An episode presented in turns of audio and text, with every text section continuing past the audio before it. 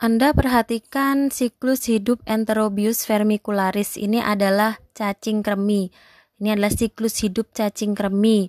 Ya, biasanya ini anak-anak yang sering menderita cacing kremi, tapi tidak harus anak-anak juga, ya.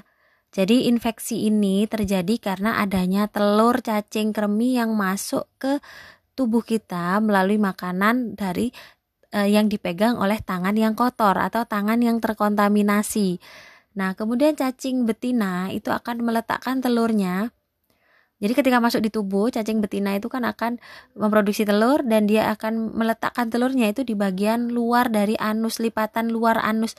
Sehingga biasanya e, orangnya itu akan merasa gatal di sekitaran anus itu. Makanya dia akan garuk-garuk di daerah situ.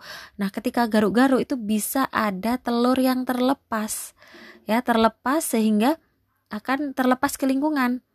Sehingga itu apabila dia mencemari makanan atau mencemari tanah dan terkena oleh orang lain, maka orang lain itu akan terkena cacingan juga kecuali orangnya mengkonsumsi obat cacing gitu ya.